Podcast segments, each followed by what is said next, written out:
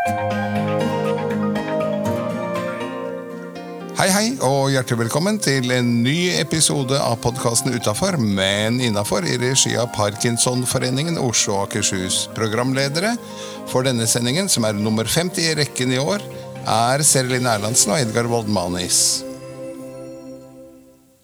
Hei, jeg heter Serelin, og ved min side har jeg Edgar, God morgen.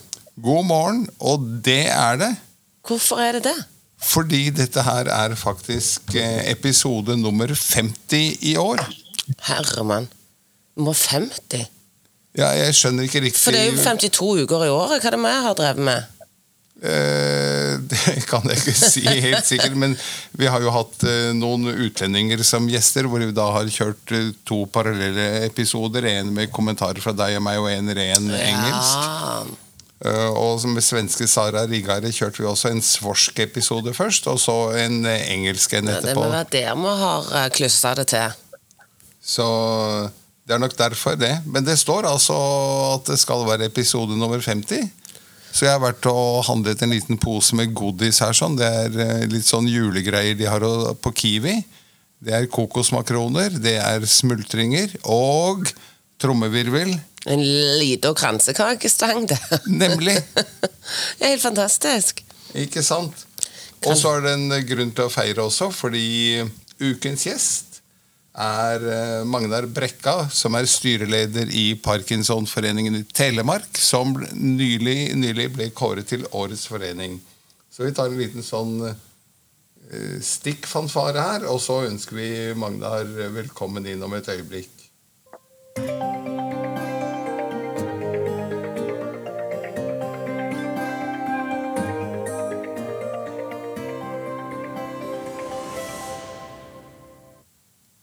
Tara! Da ønsker vi velkommen Magnar Brekka i Telemark. Tusen takk for det. Hei, hei. Hallo. Er det en eh, eh, Ja, det er noen som har kritisert dette at vi snakker om god morgen hele tiden. Fordi de sier at jeg hører jo faktisk på podkasten på kveldstid, men er det en god morgen i Telemark? Ja, for så vidt er det det. Det er en høstmorgen. Det blåser litt her ute i Langsund, som jeg bor.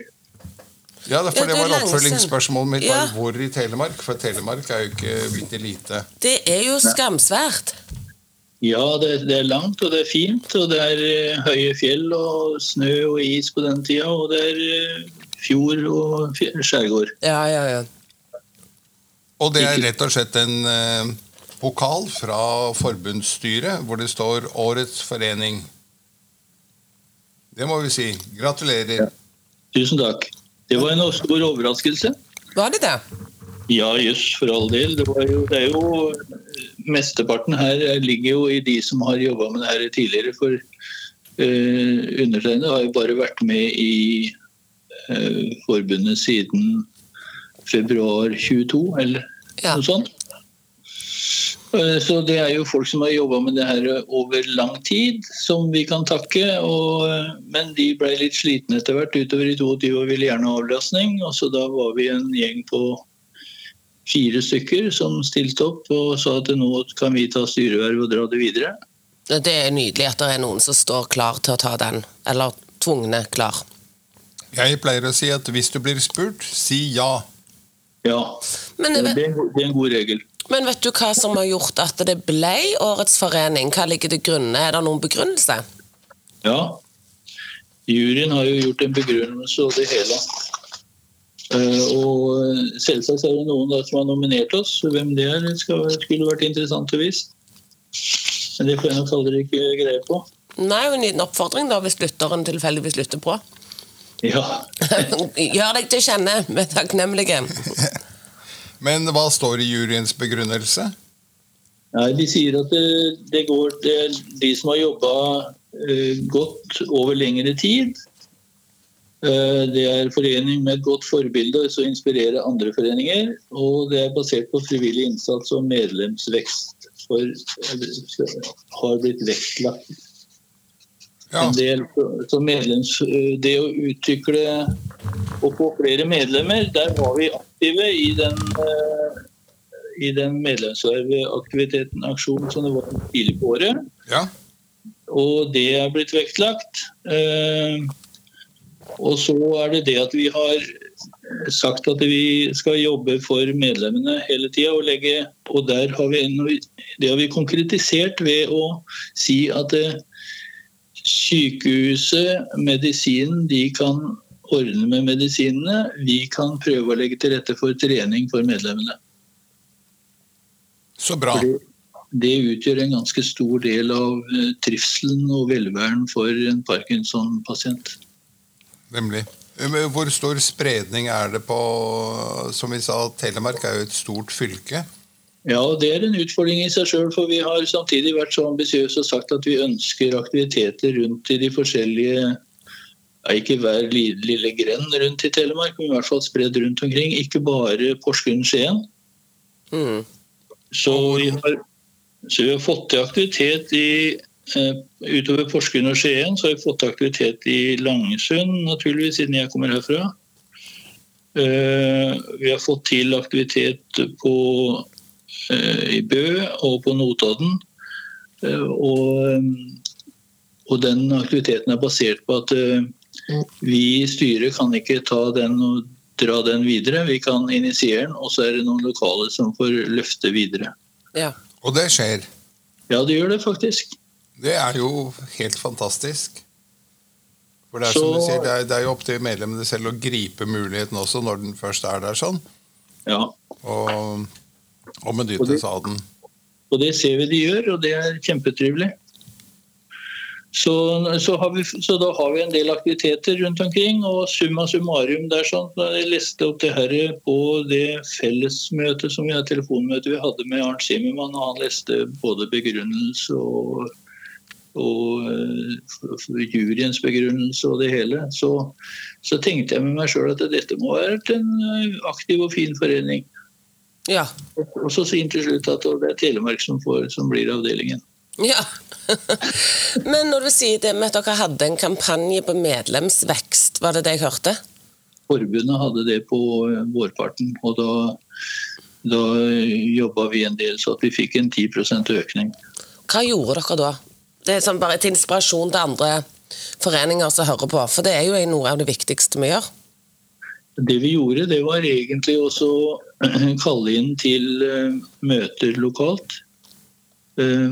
Seljord, Vinje, Rauland, Bø, Notodden.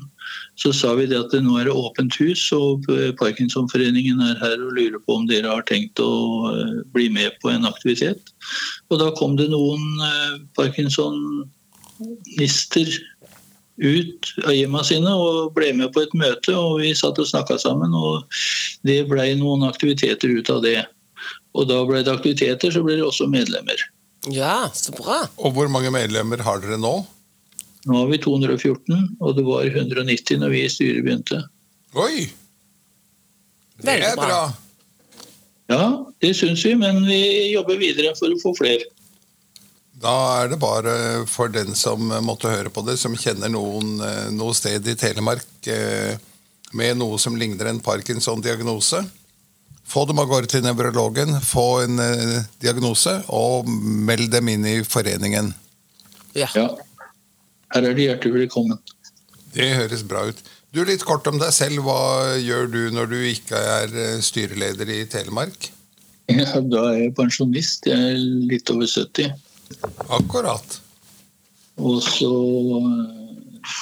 og så holder jeg på i en par andre Jeg er litt sånn som Jeg liker ikke å ha for mye ledig tid. Nei. Så derfor så bruker jeg tida på en par foreninger også. Og Parkinsonforbundet, Parkinsonforeningen er en av de. Um, Odd Fellow er den andre. Akkurat. Og Odd Fellow har jeg brukt tida på i mange år. Eh, Parkinson det kom jo nå seinere, da. Jeg fikk jo diagnosen i april 21, Riktig. Men, men jeg har jo hatt det lenge. Ja. Det er jo tilfelle, tilfelle for de fleste som får Parkinson-diagnosen at de, når de da har fått den, så kjenner de igjen symptomene i hvert fall en par år tilbake. Nemlig. Nemlig. ja. Men hva var det du gjorde da du var yrkesaktiv? Ja, da ja, Jeg kaller det sånn eh, bedriftsleder som eh, prøvde å få bedrifter til oss, og som gikk dårlig til å gå bra. Ja. Spennende. Og hvordan lyktes du med det? Jo, det gikk rimelig greit. Ja, så flott. Så, eh, og de siste ti åra da jobba jeg i et eh, amerikansk selskap som heter Knip FMC, hvor, eh, som drev med undervannsmontasje av utstyr på kontinentalsokkelen og andre steder i verden. Det er ikke bare blåbær. Dette er Nei. jo tungt. Ja, så det var Men det var veldig interessant. Det var det. Og så har vi et oppfølgingsspørsmål som heter Hva skulle du gjort hvis du skulle gjort noe helt annet her i livet? Ja, det, det har jeg i grunnen aldri vært så veldig opptatt av, men det var en periode som eh, en, Når en gikk på skolen, eh, videregående skole, eh, og, eller gymnaset som det het den gangen, da, så var det noen fra tid til annen som kom som var de, de skulle være rådgivere, og det var de også. De tok en spørreundersøkelse, og da kom vi ut til et fasitsvar, var teknikken den gangen, hva vi ville egne oss om. Og da fikk jeg greie på at jeg ville bli egna meg bra som lærer. Ja.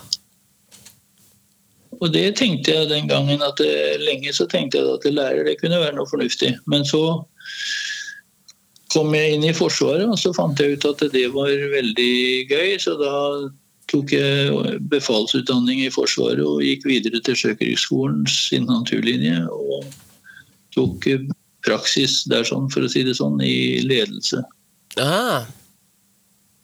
Ja, for den linjen er jo tett opp til et vanlig Civec-studie, er den ikke det? Jo. Det som en gang het siviløkonom, da. Som Ja. nå er mer enn bachelor. Ja. ja. jo da, riktig det.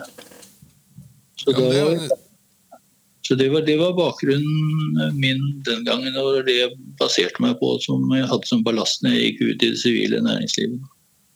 Nemlig. Nå, det vi kaller en fun fact. Noe som ikke så mange vet om deg.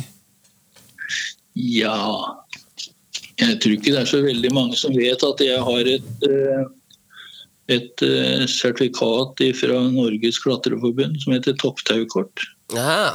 Oi! Har du klatra mye? Nei, jeg har ikke det.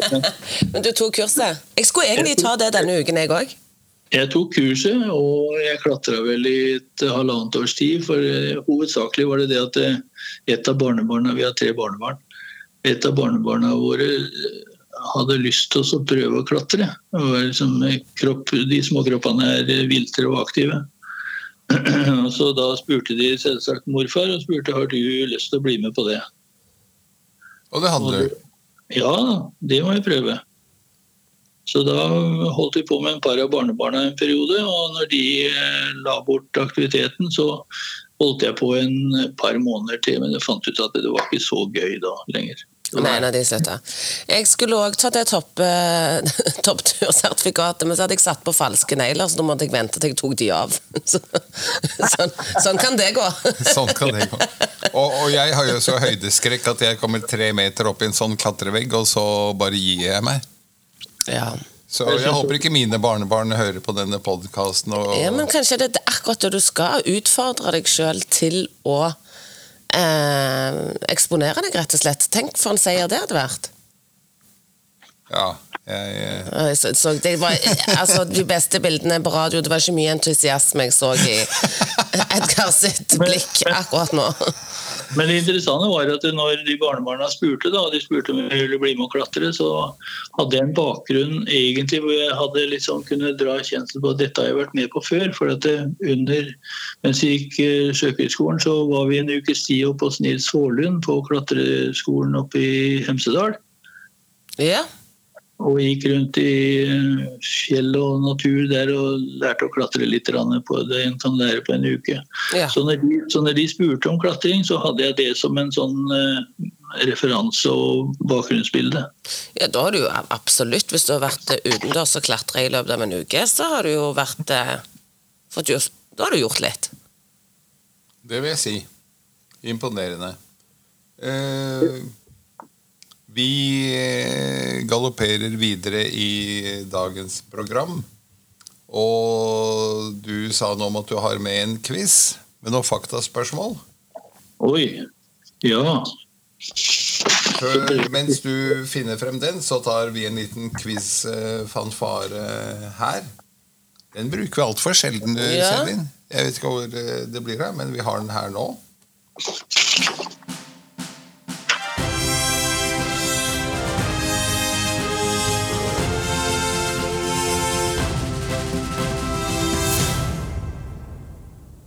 Da er det ukens quiz ved Magnar Brekka.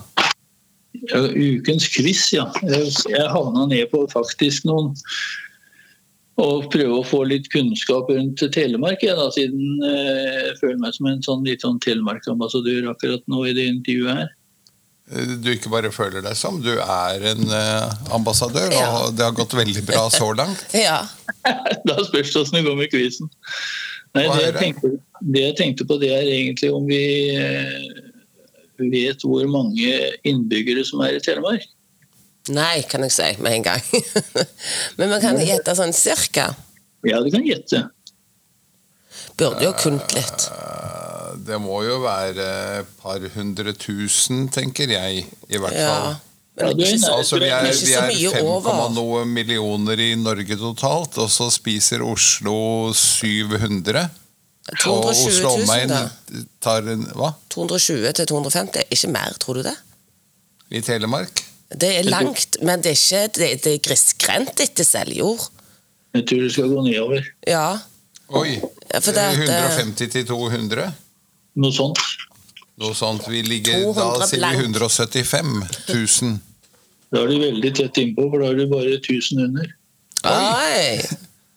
176 000 innbyggere i Telemark fylke, altså. Ja, det var det på målinga i 2020. Det var Ja. egentlig, jeg var overraska over egentlig hvor få det var. Ja, men det er jo, dere, det er jo litt sånn som en, Dere speiler jo Norge. Det er langt og grisgrendt eh, mange steder.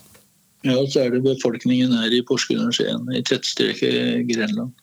Ja, altså Ja. Dere føler jo kanskje at det er mer, men hvis du begynner å dra oppover, sånn som jeg vokste, vokst, jeg med, opp med hytte på Rauland, da syns jeg det var langt mellom husene etter Seljord.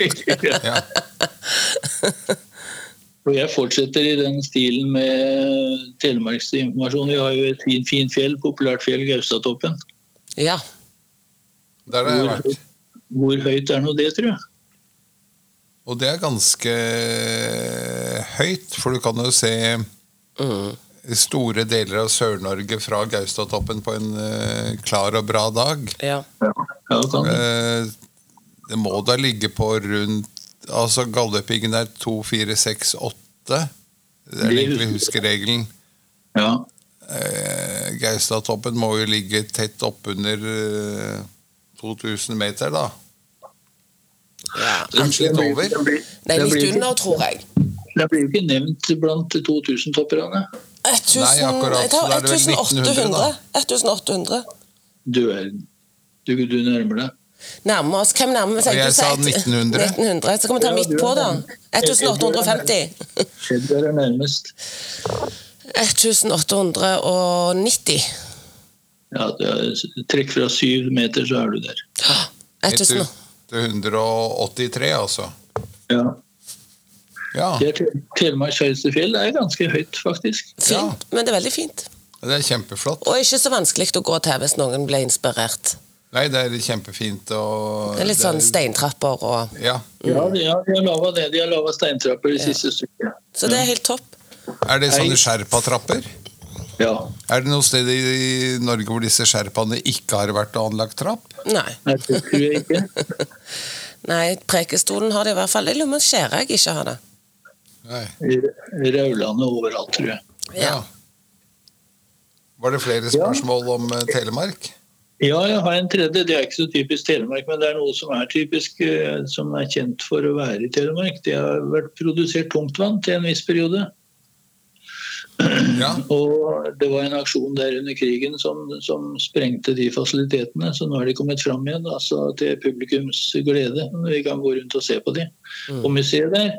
Men eh, det jeg tenkte på, det er eh, alltid en formel bak et eh, sånt. Og hva er formelen for tungtvann?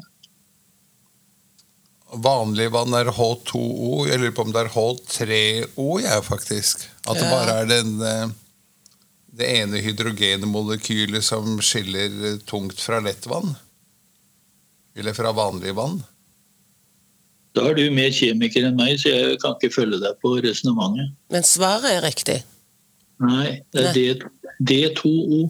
D2O. Hva står D-en for? Dunkt Nei, det, det, ja.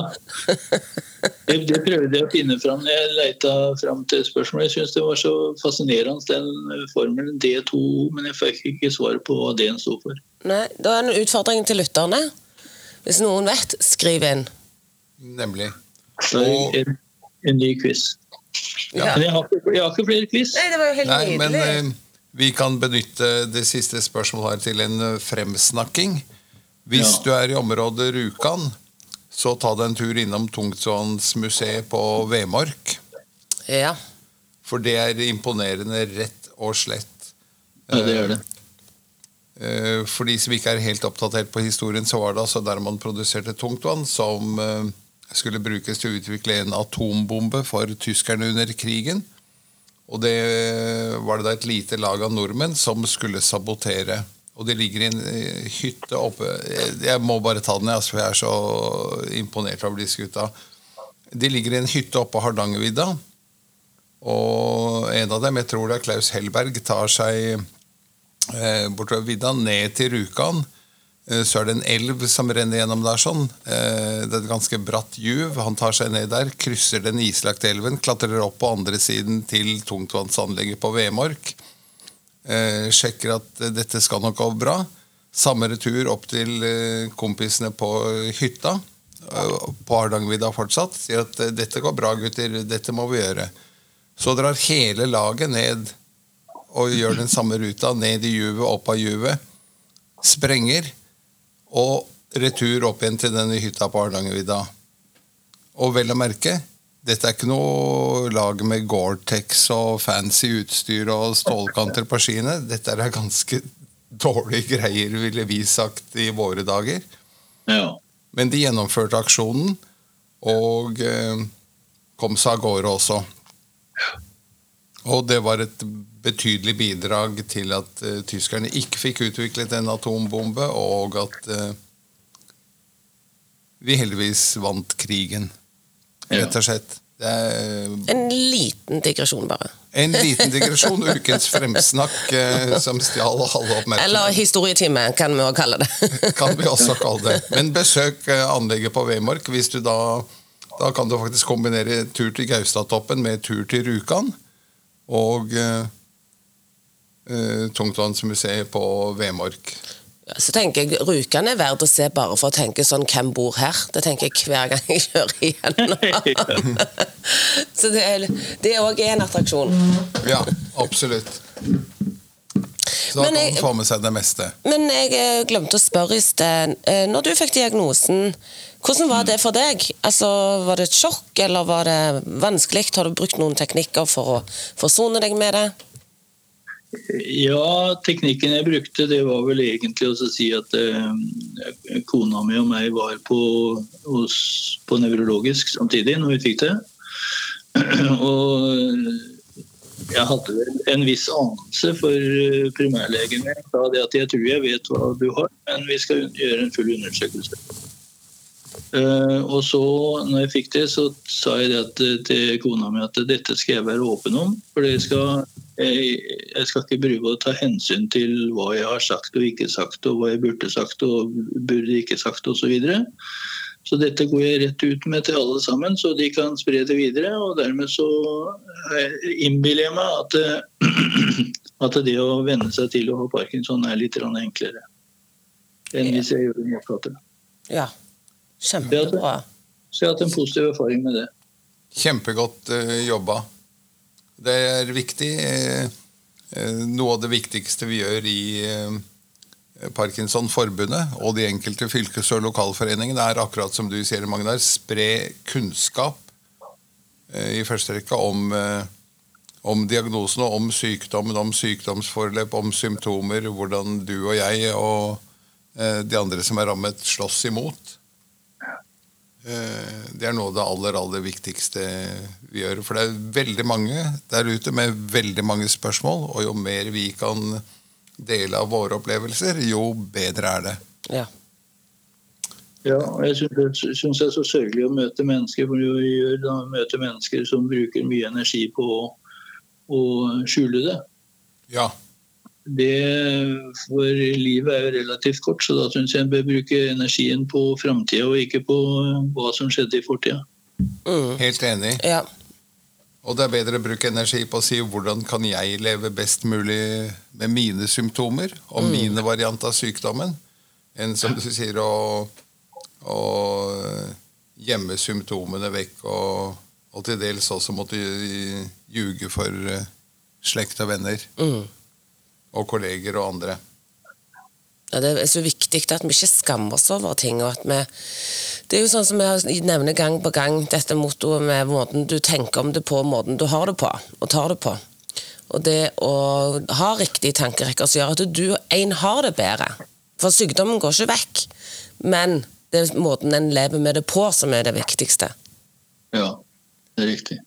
Ja, og jeg ser også akkurat egentlig det du sa, Selin, at eh, sykdommen går ikke vekk fordi at du ikke går til nevrolog og ikke får diagnose. Nei, nei, nei. Og den blir ikke borte etter at du har fått diagnosen, så blir den ikke borte av at eh, du gjemmer deg inn i et skap. Men den blir betraktelig mindre ved at Ja. du sier 'fight back' og trener, som du sier. Trår til når andre inviterer til trening. Si at 'da kan jeg'. Ja, så tror jeg jo en annen ting som du sier at du sikkert som type da, at du liker å ha mye å gjøre. Du sier du engasjerer deg, og du har jo tre barnebarn. Så jeg tenker jo det må være ha eh, fylle dagene sine med ting som gjør en glad, Ja, og få brukt seg. det er fantastisk. Det er Ja. fantastisk. Ja, det tror jeg du eh, gjør det lurt i. Vi nærmer oss uh, slutten her. sånn. Er det noe vi ikke har vært inne på som du vil si noe mer om, uh, Magnar? Ja, jeg tenkte egentlig på i forlengelsen av det vi nettopp snakka om, det også uh, Syns jeg vi i forbundet og foreningene har en jobb å gjøre med at uh, unge skal kunne føle Unge med parkinson skal kunne føle seg hjemme. Ja. Det er eh, for eh, Jeg har fått en med i styret i Telemark, eh, Organ Kittilsen, som er veldig tydelig på det. Han fikk jo sjokk første gangen han gikk på et Parkinson-arrangement. ja. Fordi, Eh, Ja, fordi det var bare gamle mennesker og dårlige mennesker der osv. Han, han var jo i 40-åra sjøl, og han så jo ingen som var ja, De var ca. 30 år eldre alle sammen. Ja. Så han kjente seg ikke igjen. øh, Han øh, følte seg ikke hjemme. Og, men han var av den typen som vi har hatt mye glede av i forbundet. Han har starta med øh, Parkinson fotballag og gå-fotball og er engasjert i den typen aktiviteter. Som jeg, sendte en kjempefint oppslag i Varden til deg i går, Edgar. jeg så så vidt det, ja. Det bør Ja. vi få lagt ut på flere av Facebook-gruppene, så flere kan eh, få glede av det. Det er der- så bra. For der har vi et øh, ja, kort og godt et øh, ugjort område. For det viser seg jo at det er relativt Det er feil å si mange, men det er en del unge som får parkinson. Ja. Og de ønsker jeg gjerne skal føle seg hjemme i Parkinsonforbundet, de også. Det er jeg helt enig i, og eh, tallmessig så kan jeg si at i Oslo og Akershus, fylkesforeningen, så er det i grove tall ca. 10% av medlemmene som faller inn under det vi kaller YOPD, eller Young Onset of Parkinson's Disease. Mm. 10% altså av medlemsmassen er eh, i yngre gruppen. Men det er litt sånn som han sa, Nå fikk jeg ikke med meg navnet, det er han som står i verden. Em, det er jo noe med at det han gjør der, er så riktig fordi det er mange som har meldt seg inn, og så har de gått på møter, sånn sa han, og så har de ikke kommet tilbake. Men hvis det skjer, så vil det jo aldersgruppen på disse møtene være høy.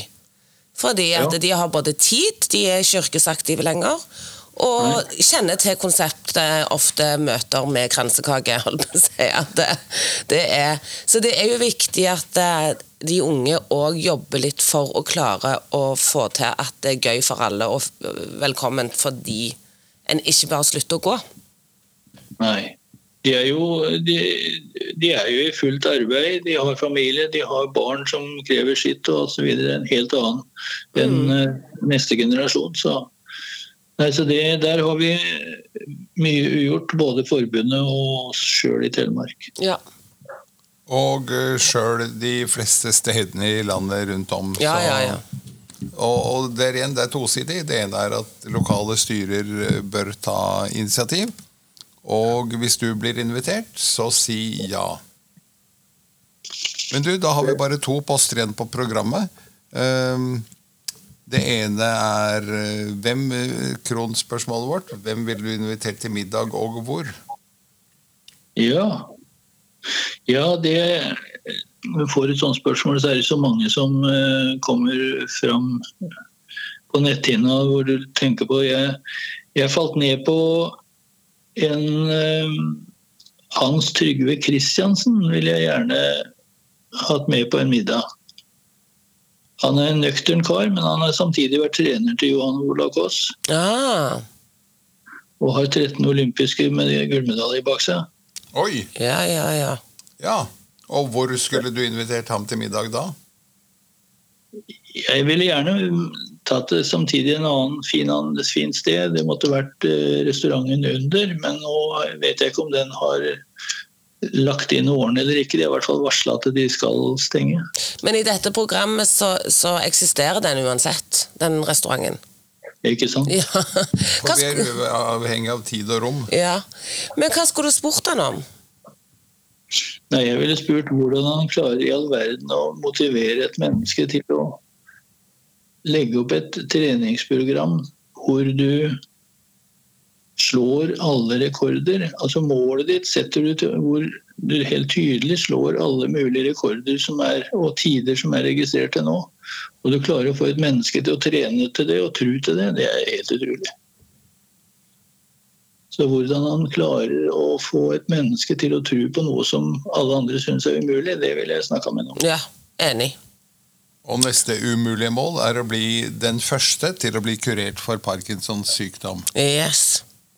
Så du kan spørre hvordan Hans Trygve Kristiansen ville jobbet da. Da Ja. gjenstår bare én eh, liten bit, og det er eh, kransekakevitsen. Og ettersom dette er eh, episode nummer 50 år, så har vi kransekake, faktisk. Har du smakt på den? Nei, jeg har ikke smakt på den. Nei, eh, skal vi skåle?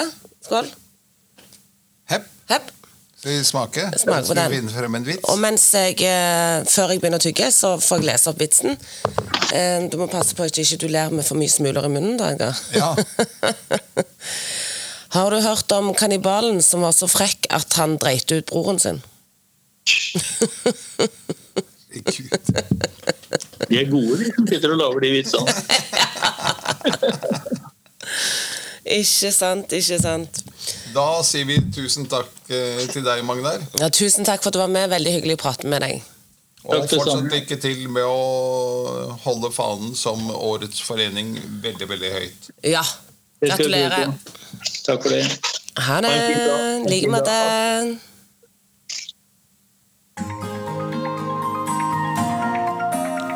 Og det var alt for denne episoden av Utafor, men innafor